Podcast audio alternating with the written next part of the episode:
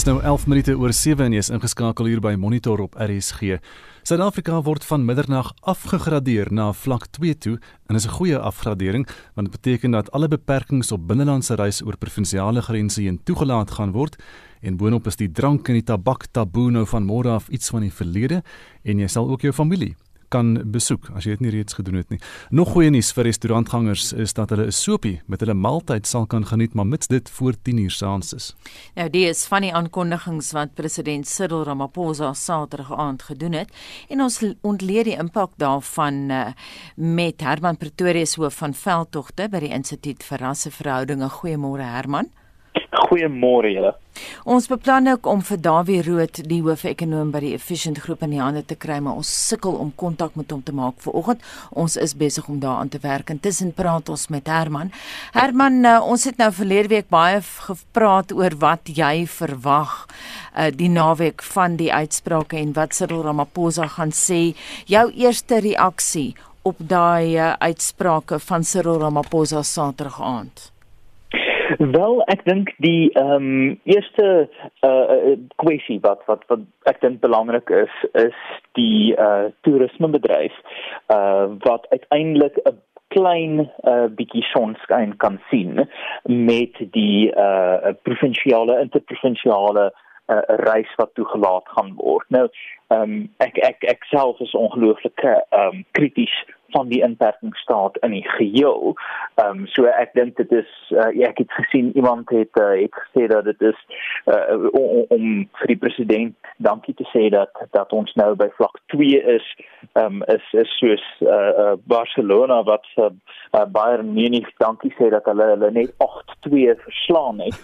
So ek dink daarso is 'n 'n kwessie hierso wat wat ek dink 'n probleem is in die eerste plek, maar die feit dat die toerismebedryf 'n bietjie bietjie sonskyn kan sien met die interprovinsiale reis wat nou toegelaat is, is ek dink die die belangrikste 'n uh, punt vir my uit die hele storie van Saterdag. Die president het natuurlik ook verwys na die tabak en die alkoholverkope wat nou weer kan voortgaan en, en baie mense gee aandag daaraan natuurlik. Hoeveel van 'n hulpstoot sal dit die ekonomie kan gee met aksies en allerlei dinge wat weer kan inkom? Wel, dit is 'n dit is natuurlik ook ook 'n baie belangrike vraag veral as ons kyk na die belastingsituasie in Suid-Afrika en hoe baie skade ehm um, die die die ehm uh, die as dit ware die toemaak van daai gedeeltes van die ekonomie oor die afgelope maande berokken het. Die die tragiek van die saak is as mens kyk na van die data wat mens so stukste kan kry, is dit asof uh, 93% of so van rokers eenvoudig aangegaan het met rook. Uh selfs te midde van hierdie verbod op tabakprodukte. So dit sê maar net vir mense 'n paar goeders. Eerstens, ehm um, hoe effektief 'n markmeganisme kan wees, meer effektief as sentrale beplanning. Ehm um, as 'n as 'n verbruiker iets wil hê, dan gaan 'n verbruiker iets kan kry. Ehm um, die tweede ding is natuurlik uh, dat die ehm um, regering het homself heeltemal hierso um, ek dink uh, uh, sy mag misbruik of of misken uh, baie soos gelyk met die taxi industrie waar hulle inmengings daarso ook hoogs onsuksesvol was. Maar uh, die feit dat die Suid-Afrikaanse roker uh, nog kon aanhou rook maar dat dit nou net deur onwettige kanale is is ek dink nog al so baie uh, invergewende stukkie data wat die Suid-Afrikaanse regering baie baie goed moet onthou as hulle dink hulle kan so maklik Suid-Afrikaners se lewens beheer. Jy het vroeër verwys na die toerismebedryf wat nou 'n hupstoot sal kan kry, maar die buitelandse reise word nog steeds nie toegelaat nie. Dis eers op vlak 1 wat dit nou inkom. Hoeveel van 'n ekonomiese inspuiting sal dit nou meebring met ander woorde? Hoe baie is ons afhanklik van internasionale toerisme? Kyk, ons is as Suid-Afrika ongelooflik afhanklik uh van internasionale toerisme. Ek dink een van die groot kwessies wat die Suid-Afrikaanse ekonomie nou in die gesig staar is die uh krimping van koopkrag.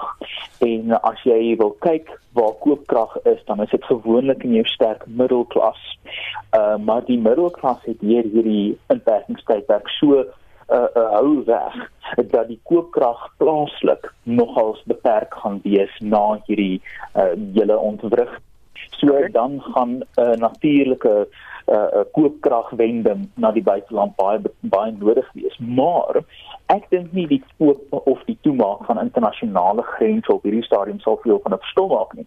Die aantal COVID-19 gevalle in Suid-Afrika sal 'n outomatiese afskrikmiddel wees vir buitelandse reisigers. So of die uh, internasionale grense oop is of toe is, ek dink op hierdie stadium de facto sal die geval wees dat hulle geag sal wees vir buitelanders dat toe is. So ek dink dis dis dis dis 'n meer feitelike vraag mm. as 'n die jure vraag.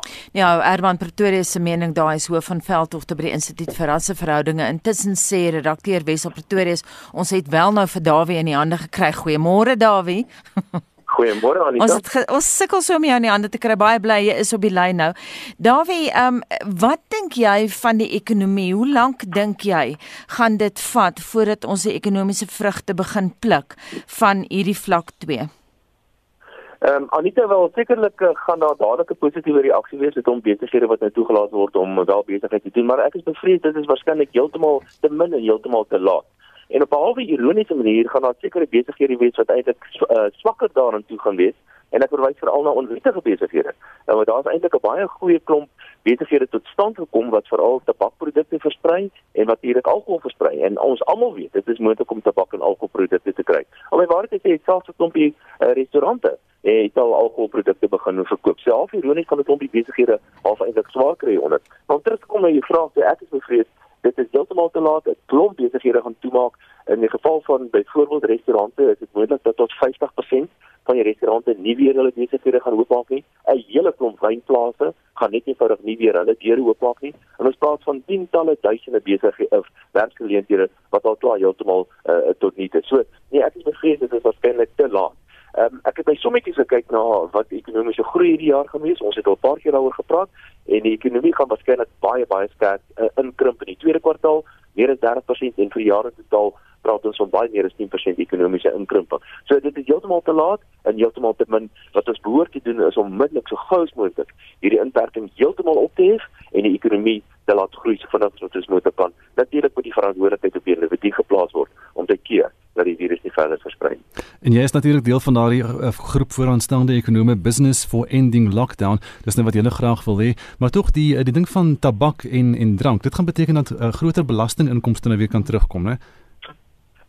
Sekerlik ja, maar as mens kyk na die totale belastingverlies, dan praat hmm. ons van honderde miljarde rande wat alreeds gelei is. Ons praat in die omgewing van meer as 300 miljard rand se belastinginkomste wat minder gewees as die aanvanklike begroting. Wanneer mense praat van die die verlies aan sogenaamde sondebelasting, dan praat ons waarskynlik van 'n bedrag geld hier in die 70 80 miljard rand hm. wat verlore is as gevolg van uh, die verbod wat daar was op alkohol. Wat die IMF e lening is.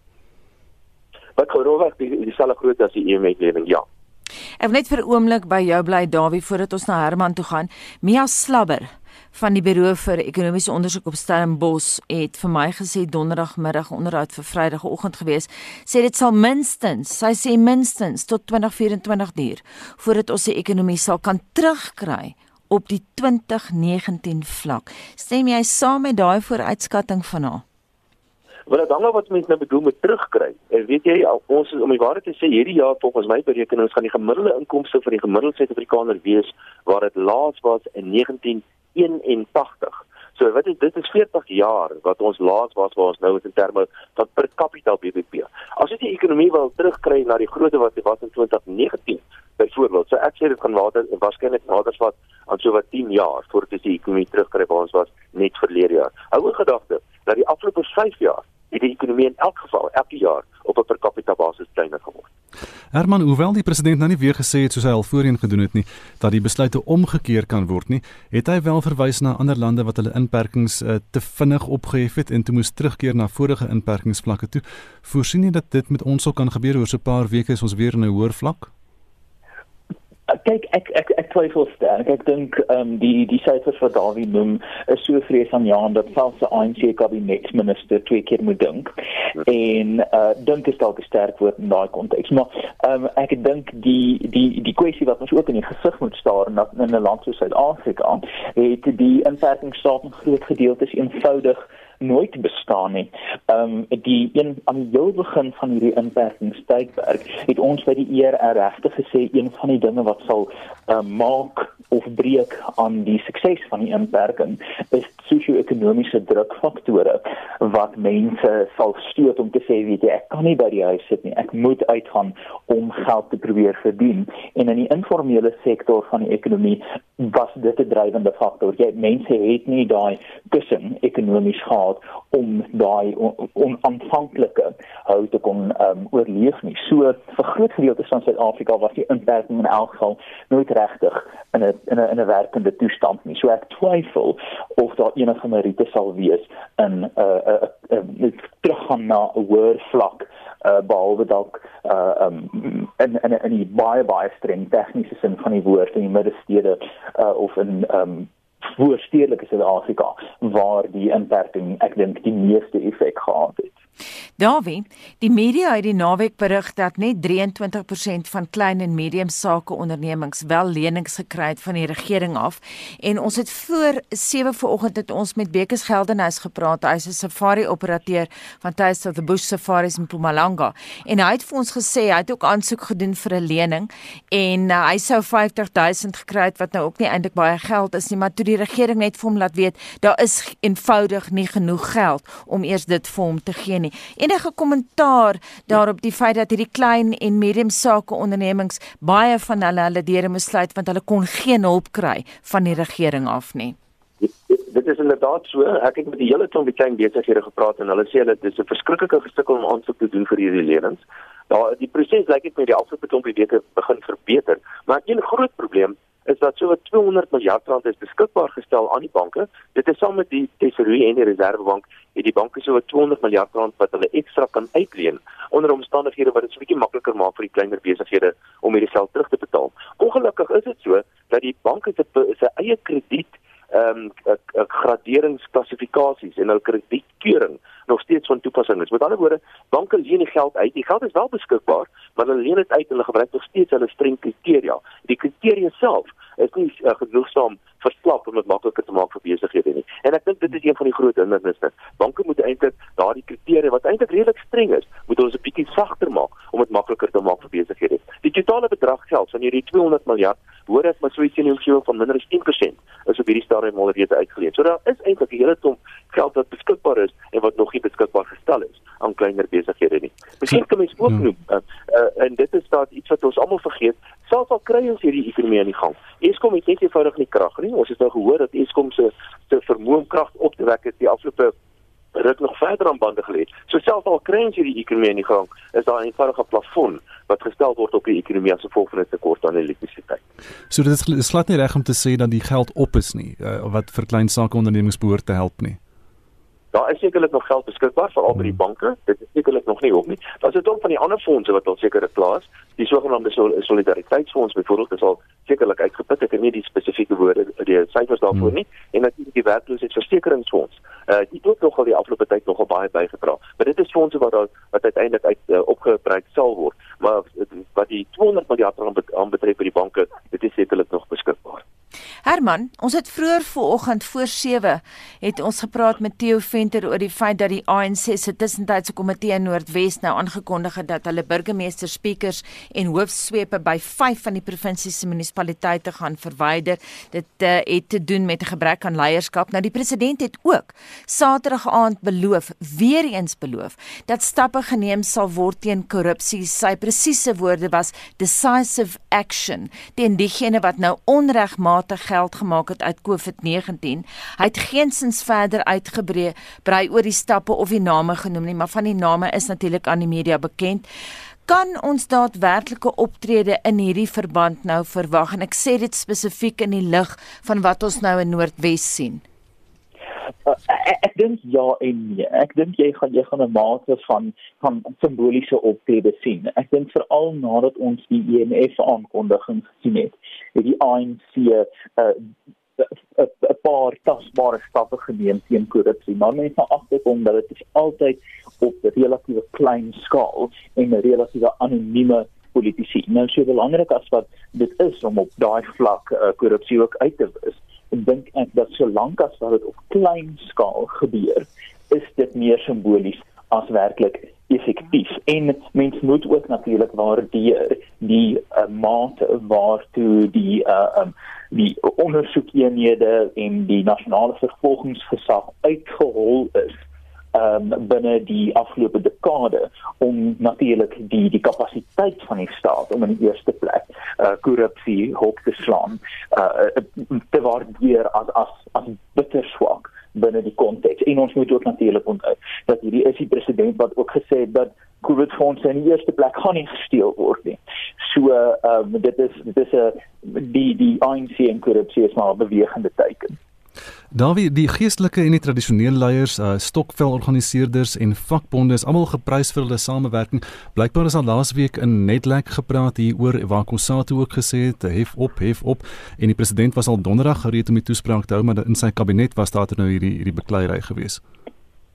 Ja, lyk my daar's baie tweespalk in die kabinet en dit is nogal interessant um, en ek dink die politieke ontleeders kan vir ons 'n beter aanduiding gee van wat werklik waar in die gang is, maar ek dink die boodskap wat ons kry uit die kabinet het is dat die president het nie werklik waar in beheer uh, van die regering nie. En ek dink dit is een van die groot probleme is die tekort aan leierskap in Suid-Afrika. Ons moet ook aan gedagte hou en ek sê saam met Herman, ons moet ook aan gedagte hou dat eintlik die die inperking baie mense nou eenvoudig kriminele gemaak en die meeste van ons is eintlik kriminele wat ernstig het ons een van hierdie regulasies oortree. En ek dink wat nou besig is om te gebeur is dat ons sien hierdie korrupsie wat in die staat plaasvind. So af en toe word een of twee klein visse miskien gevang, maar die werklike groot visse, hulle kom nog steeds weg. En die impak wat dit het, het op die belastingbetaler en op die in die belastingmoraliteit in die land is baie baie groot. Mense sê eenvoudig, ons het 'n kriminele regering wat wat die land bespeel, daar word niks aan gedoen nie. Hoekom moet ek nog steeds my belasting bydra? En ek is bevrees om daardie moraliteit uh, afkraak wat plaasvind in die afgelope tyd om te draai, gaan waarskynlik baie baie jare duur. Hoe dink jy Dawie gaan dit daar in Edward Kieswetter se kantoor as hy verlig vanmôre?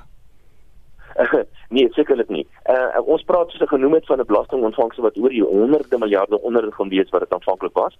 Ek dink meer Kieswetter doen 'n uitstekende job, maar die realiteit is is dat tesorie die afgelope tyd die ontvangers veral SARS veral is eintlik baie uitgekaal soos ons weet. Hmm. Baie van die ekspertise is nie meer daar waar dit was nie, maar die grootste en die enkele belangrikste en mense kan dit sien alreeds in baie van die syfers.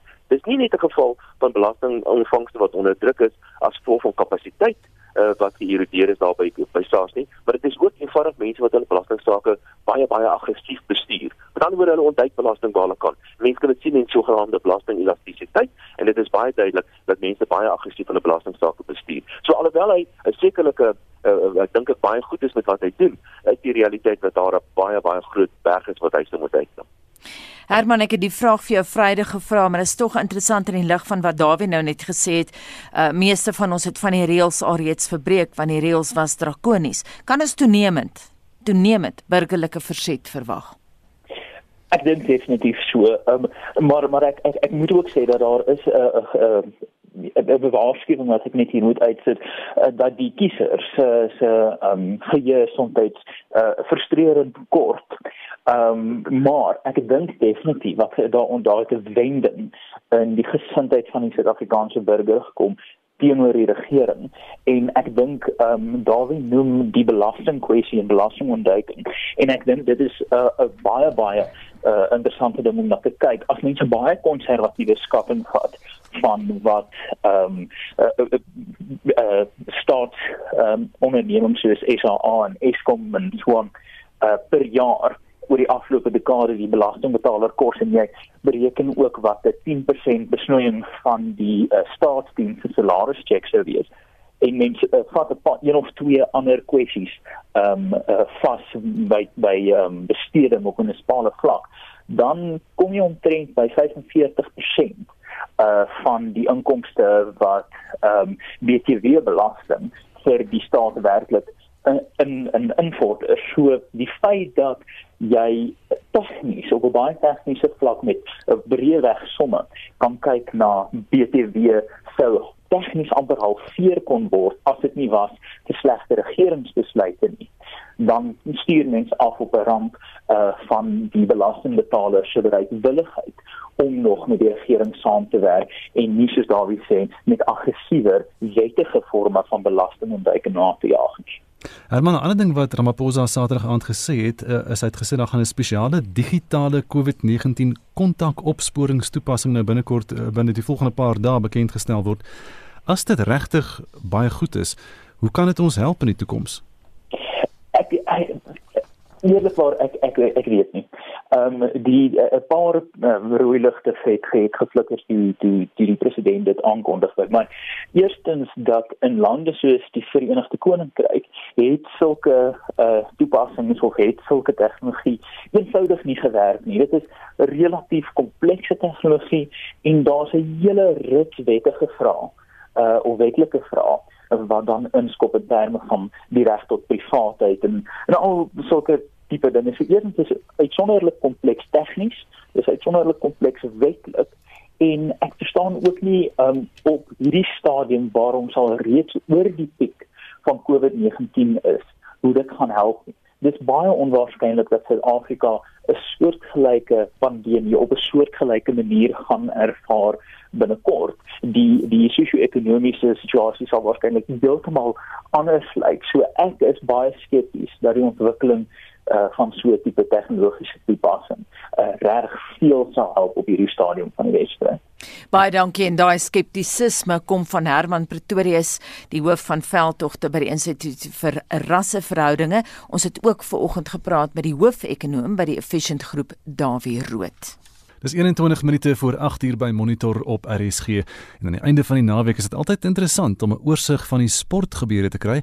Pieter van der Berg is op die lyn. Môre Pieter. Môre sê Gustaf. So verlede maandag het jy vir ons die goeie nuus gegee oor Brad Binder se prestasie. Hoe het hy die naweek op sy KTM motorfiets gevaar? Ja, verlede naweek het hy daardie oorwinning behaal daar in Bordeaux. Dit was die Tsjechiese Republiek se MotoGP. Gister was die aksie daar in Spielberg, die Oostenrykse MotoGP wat gejaag is en op die wegspringrooster was Maverick Vinales op sy Yamaha die uh, in die eerste plek met Brand Binder net 17 op daardie wegspringrooster. Maar tydens die wedren self, uh, Gustav het baie baie goed gevaar. Hy het die verskeie posisies verbeter en met 20 rondes oor was daar 'n ongeluk wat veroorsaak het dat die rooi vlag vertoon was. Nou die wedren is later hervat met Brad wat toe in die negende plek weggespring het. Hy het nog verder uh, baie goed gejaag en uiteindelik kan jy glo dat in die 4de posisie klaargemaak toe daar die einde van die wedren aanbreek. Dit beteken van 17de tot 4de plek het hy verbeter, maar die wedren is dan gewen deur Andrea Dovizioso op sy Ducati met John Mir op 'n Suzuki tweede en Jack Miller wat daar derde was. Brad Binder dan in die vierde plek op die punteleer. Is Fabio Quartararo op sy Yamaha met 67 punte die voorloper. Dovizioso op sy Ducati is daar op 56 in die tweede plek met uh, Brad Binder nou vierde met 41 punte. Maar daar was ook Formule 1 aksie geweest, die Spaanse Formule 1 Grand Prix so gister gejaag en uh, dit was uh, Lewis Hamilton wat van die begin tot die einde voorgejaag het en ons sien daar Max Verstappen van Red Bull wat verlede week gewen het. Hy het uiteindelik daar tweede geëindig en uh, Valtteri Bottas in die ander Mercedes was in die derde plek. Op die punte leer is dit dan Hamilton en sy Mercedes op 132, dis 37 punte meer as Max Verstappen van Red Bull met Valtteri Bottas wat in die derde plek is. Nou uh, drie golftoernooie is die naweek ook gespeel, maar dit klink maar die Suid-Afrikaners het nie te waffers gevaar nie, nee. Ja, jy's reg, Gustaf in Amerika was dit er die Wyndham Kampioenskap op Sedgefield daar in Greensboro. Jim Herman het gesê hier op 21 houe onder syfer na 'n laaste ronde van 63. Billy Horschel, hy was in die tweede plek gewees en Suid-Afrika se Dylan Fratelli 20ste op 1300 en ons sien Christian Besuitner, hy was 37ste op 800. En in Europa is die spelers in Newport op die baan vir die Celtic Classic daar in Wallis En ek sien dat Sam Horsfield het met twee houe gewen, hy is op 1800 met Thomas Dietrich daar in die tweede plek op 1600. Jacques Kruiswyk, die beste beste Suid-Afrikaner, hy was 14 op 1100, sewe agter die voorloper of die wenner dan en dan Wilco Ninaber, hy het op 1000 geëindig en hy was daar in die 22ste plek. En dan in die LPGA reeks is er die Skotse Ope in Noord Berwick in eh, Skotland wat ook gister geëindig het. Nou kan jy glo vier spelers het daar uh, gesamentlik geëindig op 500 syfer en dit was die volboustryd wat gewen is deur die FSA se Stacey Lewis, so sy wen daarso byna 4 miljoen rand wat sy met haar die eerste plek verdien. Suid-Afrika se Lee and Pace en Ashley Boy, hulle was gesamentlik op 9 in die 39ste plek en hulle was beide op 5 oorhou sy 5 houe oor syfer wat beteken Gustaf, hulle was 10 houe agter die wenner. Nou Pieter Saterdag in 'n naweek aktueel het jy genoem dat reën die tweede krieketoets tussen Engeland en Pakistan gekort week het, maar vandag is nou reeds dag 5. Hoe lyk daardie telkaart tans? Ja, wat uh, ons kan maar net sê reën, reën en reën op al vier dae. Gister die vierde dag het se afhandel in Pakistan het 236 lopies in hulle eerste beurt aangeteken. Engeland was aan die einde van gister uh, 'n uh, dag op dag 4 was hulle op 7 vir die verlies van 1. Dit beteken ons nog 229 lopies agter, maar Gustav daar is net 96 balbeurte oor 4 dae gebou. So ja, vandag is aan die laaste dag, maar ek twyfel of daar enige uitslag aan die wedstryd kan wees. Rugby het uh, natuurlik ook in naweek aandag gekry. Nieu-Seeland uh, se eie Super Rugby reeks het reeds in naweek geëindig en in Brittanje begin die Premier Liga. Ja ja, in die Seeland die Autoria kompetisie en dit is die laaste ronde wat afhandel is daar die Highlanders. Hulle het die Hurricanes geklop met 38-21 5-3 teenoor drie gedrukte Islanders en dan gister se wedstryd op Eden Park is afgelas as gevolg van inperkings wat van krag geword het. Nou uh, die Blues en die Crusaders, hulle kry elkeen 2 punte, maar dit beteken op die finale punte leer die Crusaders bo geëindig met 30 punte, die Blues tweede en die Hurricanes was daar derde. En dan in Australië is dit die ehm um, super rugby reeks wat daar gespeel word, hulle eie ene natuurlik en dis die Western Force wat pak gekry het op hulle tuisveld. Die Waratahs was baas met 28-8 hulle 3-3 teenoor die een gedruk van die Force. En dan uh, die wedstryd gister, was die reeks waar die Rebels geklop het en die telling daar, die eindtelling 19 punte teenoor 3. Die Brumbies, hulle is die voorlopers op die punte leer met 18 punte, die Reds is tweede en die Waratahs derde. En soos jy genoem het Gustaf, die Premier League in Brittanje is ook weer die naweek hervat en daar was Saterdag oorwinnings vir Bristol, Bath, Exeter en Gloucester en ek sien dat gister is een wedstryd afgehandel. Dis die Northampton Saints het pak gekry Wasps het hulle met 34-21 getop. Dit beteken op die punteleer is Exeter die voorlopers met 50 punte. Bristol is tweede met 42 en die uh, Sale Sharks hulle is op 41 daar in die derde plek. En van rugby na vroue tennis. Die Lexington Ope is in Amerika gespeel. Wie daar koning gekraai Ja, jy's reg, die mense verwys ook na die top seed oop, maar die Amerikaner eh, Jennifer Brady, sy het haar eerste WTA toernooi in haar lewe gewen. Sy het met Jill Teichmann afgereken daar in die eindstryd en dan is daar ook in Praag waar daar aksie was vroue tennis. Simona Halep, sy het vir Elisa Mertens in die finaal daar geklop en dan hierdie week verskuif die aandag na nee, 'n bietjie later in die week, verskuif die aandag na New York vir vroue tennis. En op die sokkerveld het die plaaslike Premier Liga ook weer vlam gevat en in Europa is daar groot kanonne op die veld? Nee. Ja, Saterdag in die UEFA se Kampioenenliga was dit Man City het pak gekry, Lyon het hulle met 3-1 geklop. Gister in die UEFA se Europese liga het Man United pak gekry en dit was Sevilla wat hulle met 2-1 geklop het. En dan in die Premier Liga hier in Suid-Afrika gister twee wedstryde wat gespeel was.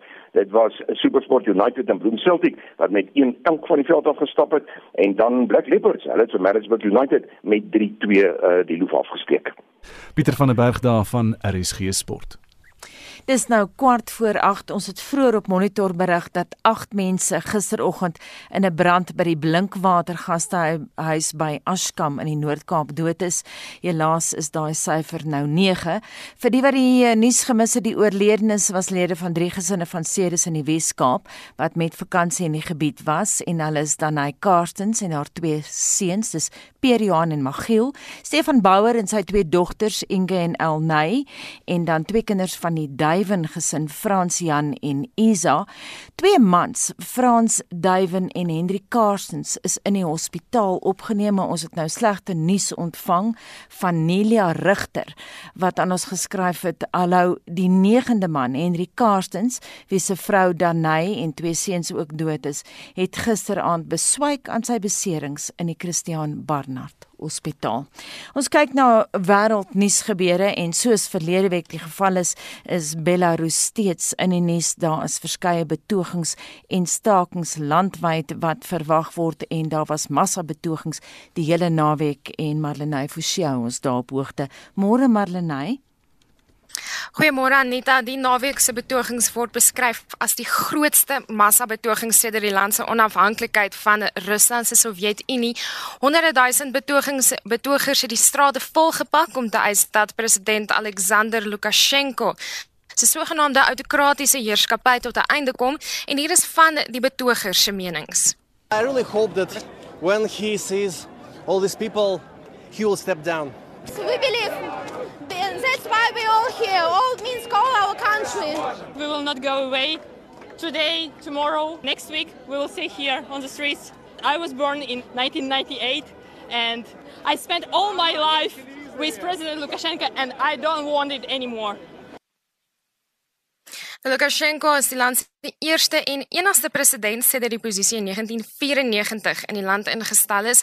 Hy het ook 'n byeenkoms gehou oor die naweek om sy heerskappy te verdedig, maar dit is slegs bygewoon deur 'n paar duisend mense wat skerp afsteek teen die honderde duisend betogers wat sy uittrede eis. Betogers sê die onlangse verkiesing waarna hy glo 80% van die stemme ontvang het, is gedokter en is ook hoogs ontevrede met polisiegeweld. En baie belangrik om te sê dis nie net betogers wat sê dat daai verkiesing gedokter is nie, politieke ontleeders sê dit ook en waarnemers van die EU. Maar intussen dan Marlenae betogings was ook aan die orde van die dag in Spanje waar mense in hulle massas opgetrek het en die vereiste dat maskers in die openbaar gedra moet word. Die betogings het in Madrid plaasgevind kort nadat nuwe inperkingsmaatreëls ingestel is. Dit sluit onder meer in dat gesigsmaskers gedra moet word en dat daar nie gerook mag word in openbare plekke nie. Die land het 'n nuwe vlaag COVID-19 infeksies aangeteken nadat die inperkingsregulasies in Junie opgehef is. Minstens 28600 mense is reeds in die land dood aan die virus. Die Wêreldgesondheidsorganisasie het intussen die jongste syfers oor die wêreld bekend gestel. Wêreldwyd is daar nou sowat 21 20 miljoen bevestigde gevalle terwyl die sterfsyfer nou meer is as 250 000. Marlenae, ons bly by nuus oor die virus in Nieu-Seeland. Het die premier Jacinda Ardern die verkiesing met sowat 'n maand uitgestel weens die COVID-19 pandemie. Nou die verkiesing wat op die 19de September sou plaasvind, word nou op die 17de Oktober gehou en dit volg op bekommernis vanaf die oppositie dat beperkings op verkiesingsveldtogte die eerste minister onregverdig sou beoordeel. En nog verkiesingsnuus in Amerika, die spreker van die huis, Nancy Pelosi, van die huis van verteenwoordigers daar sê daar moet gestem word op 'n wetsontwerp om die posdiens in die land te beskerm.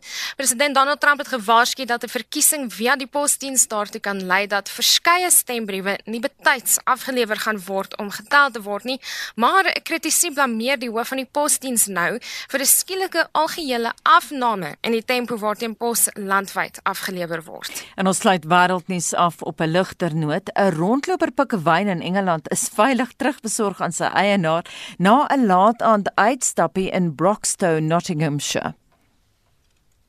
Nou die Humboldt pikke wyn wat sedert die bynaam Popo gekry het, het ontsnap uit sy hok en het minstens 1,6 km ver gewaggel voordat die polisie sy vroegoggend verkenningsveld tog in die wiele gery het. Nou die bynaam Popo is die avonturier gegee want hy het saam met die polisie vir foto's poseer. Hy was baie vriendelik met hulle, selfs al is sy avontuur kort geknip. En op daai ligte noot eindig ons wêreldnuus. Dit was Marlenae Forsie. En nou iets heel anders, 'n rolprent oor plaasmoorde sukkel om befondsing op gewone maniere te kry weens die omstredenheid van die onderwerp. Daarom vra die rolprentmaker nou die publiek se hulp om fondse in te samel vir die produksie. Die draaiboekskrywer en regisseur Dian Wys het aan Anne Marie Jansen van Vuren vertel waaroor dit gaan. Plaashuis is 'n kortfilm teks wat ek so ongeveer 4 jaar gelede geskryf het nadat ek met slagoffers van plaasaanvalle gesels het as ook die bure wat hierdie tonele gaan skoonmaak het. So Plaashuis gaan oor twee vriendinne wat 'n moordtoneel op 'n plaas skoonmaak. So in hierdie kortfilm word die twee vrouens gekonfronteer met die stille getuienis van 'n plaasaanval maar ook wat dit werklik beteken om verantwoordelikheid vir hulle medemens te neem. Wys het al van tevore by die Nasionale Film en Video Stichting asook Westgrow aangeklop. Siterdien het ek gesukkel om die geld vir die projek in te samel aangesien plaasmoorde so 'n sensitiewe en 'n verpolitiseerde kwessie is. So ons het vir die Nasionale Film en Video Stichting aansoek gedoen, maar hulle het ons afgekeur. Ons het geen terugvoering ontvang nie, maar ons weet byvoorbeeld dat hulle baie voorstelle vir plaasmoorde ontvang. So dit lyk nie of dit regtig enige hond haar afmaak nie. So daarom het ons besluit om skadebefondsing te doen om en op so 'n manier geld in te samel. Skadebefondsing is 'n manier van geldinsameling wat ten volle op donasies van die publiek staat maak. Ons het die veldtog verlede Woensdag geloods en het 60 dae om die geld in te samel. Hierdie tydlyn word deur die Skadebefondzingsblad gestel sodat die ondersteuners beskerm kan word. Met ander woorde, dit is risikovry of hierdie kortfilm word gemaak of indien ons dit nie in hierdie tydperk insamel nie, dan word alle donasies terugbetaal. Die idee is, is dat die publiek die vervaardiging van die kortfilm finansier en dan word die kortfilm weer aan die publiek teruggegee. So met ander woorde, sodra die kortfilm voltooi is teen die einde van die jaar, dan word die kortfilm dadelik gratis aanlyn geplaas. Die akteurs Nicola Hanekom, Martelie Skulwer en Albert Pretorius vertolk die hoofrolle in die fliek. Hanekom sê sy is baie opgewonde oor die projek omdat die kortfilm 'n baie belangrike kwessie van plaasmoorde aanspreek en ek dink nie ander filmmakers het nog regtig daaraan geraak nie. Maar Dian doen dit sonder om in die slaggate van vir politisering of sensasie te trap en dis my baie belangrik. Hy het regtig 'n merkwaardige teks geskryf. En ek weet ook van ervaring dat skadebefondsing nie 'n maklike roete is nie. Dis regtig nie. So die feit dat Dian deurdruk hiermee bewys vir my dat hy passievol oor sy film en hy het iets om te sê. En natuurlik as aktrise is daar 'n uitdagende spelgeleentheid en dis waarna ek en Martelies uitsien. Hanne kom self vroeër die jaar vir 'n SAFTA benoem vir haar rolprent oor afspraakverkrachting Cutout Girls. Sy sê sy hou duim vas dat Wys befondsing vir die projek sal bekom omdat hy 'n belowende nuwe stem vir die Suid-Afrikaanse rolprentbedryf is. So boonop al hierdie redes glo ek dat Dian 'n groot toekoms het in die filmbedryf. Ek glo dit regtig. Dit is duidelik dat hy 'n slim kop is, maar behalwe dit het hy 'n belangrike en 'n unieke stem. So ek hoop mense gaan hom ondersteun. Pretoria stem saam. Ja, ek is baie beïndruk met Dian se teks gewees, veral sy invalshoek. Ek ken vandag se tyd so baie goed wat so vir mense uitgespel word en in jou keelgat afgedruk word. En ek dink om hierdie grie verhaal te vertel uit die oogpunt van twee mense wat dit moet skoonmaak, was net vir my so verfrissend en so nuut en vars. En ek dink dit forceer ook die kyker om meer betrokke te raak, om self hulle verbeelding te gebruik oor wat plaasgevind het in steede daarvan om dit net te wys. Albert Pretorius, 'n akteur in die rolverdeling van Dian Wes se kortfliek Plaashuis. Ek is Anne Marie Jansen van Vuren vir SAK nuus. Daar is geen verkeer. In Kaapstad is daar druk verkeer op die N1 inwaarts by Jipte Jager. Jy kan vertragings in daardie omgewing verwag. In Pretoria staan 'n voertuig op die N4 ooswaarts net voor Watermeierstraat en dit is versper daar by die afrit spesifiek. In die middestad van Johannesburg is daar 'n botsing op die M1 in Noord by die Crown wisselaar. Uh vertragings tot by Boysons. Ek ons na Pretoria die Mabopane snelweg. Daar was 'n taxi-ongeluk gewees by Roslinweg en daar is swaar verkeer in daardie omgewing. In Kaapstad, 'n voertuig staan op die N2 inwaarts by Bungalaan, die regterbaan is daar versper en dan die N1 inwaarts by Durban is nou weer skoon. Jy kan weer ry daar vanmôre en dit was die verkeer op monitor. Marlenae, hulle gaan sekerlik in Spectrum daai storie oor die mense wat dood is by Blinkwater by Ashkam in die Noord-Kaap. Al daardie uh, lede van families en gesinne van Ceres in die Wes-Kaap gaan julle sekerlik verder voer. Daar's ook ander stories op ons dagboek Anita na middernag vanaand is die drank en tabakverbod iets van die verlede en van môre af kan jy 'n drankie geniet by restaurante. Ons kry reaksie daarop. Die man wat daarvan beskuldig word dat hy die 8-jarige Tasney van Wyk verkrag en vermoor het, verskyn voor die Goodwood Landdroshof in die Wes-Kaap en in Gauteng staan die regering die Hooggeregshof vir besluit dat die Tshwane Stadsraad nie ontbind moes word nie teen. Dit en meer op Spectrum vanmiddag tussen 1 en 2. En as jy weer enige van ons nuusprogramme wil luister, elke monitor Spectrum Spectrum naweek aktueel op 'n Saterdag en 'n kommentaar en finansiële fokus op 'n Sondag aand tussen 8 en 9 is as 'n potgooi op RSG se webblad beskikbaar. Ons groet namens ons redakteur en waarnemende uitvoerende regisseur Wessel Pretorius. Ons produksieregisseur vanoggend was Daitron Godfrey. My naam is Anita Visser. Bly ingeskakel by RSG vir praat saam volgende met Lenet Fransis Puren. Ek is Gustav Vreiding en mooi bly tot môreoggend om 6.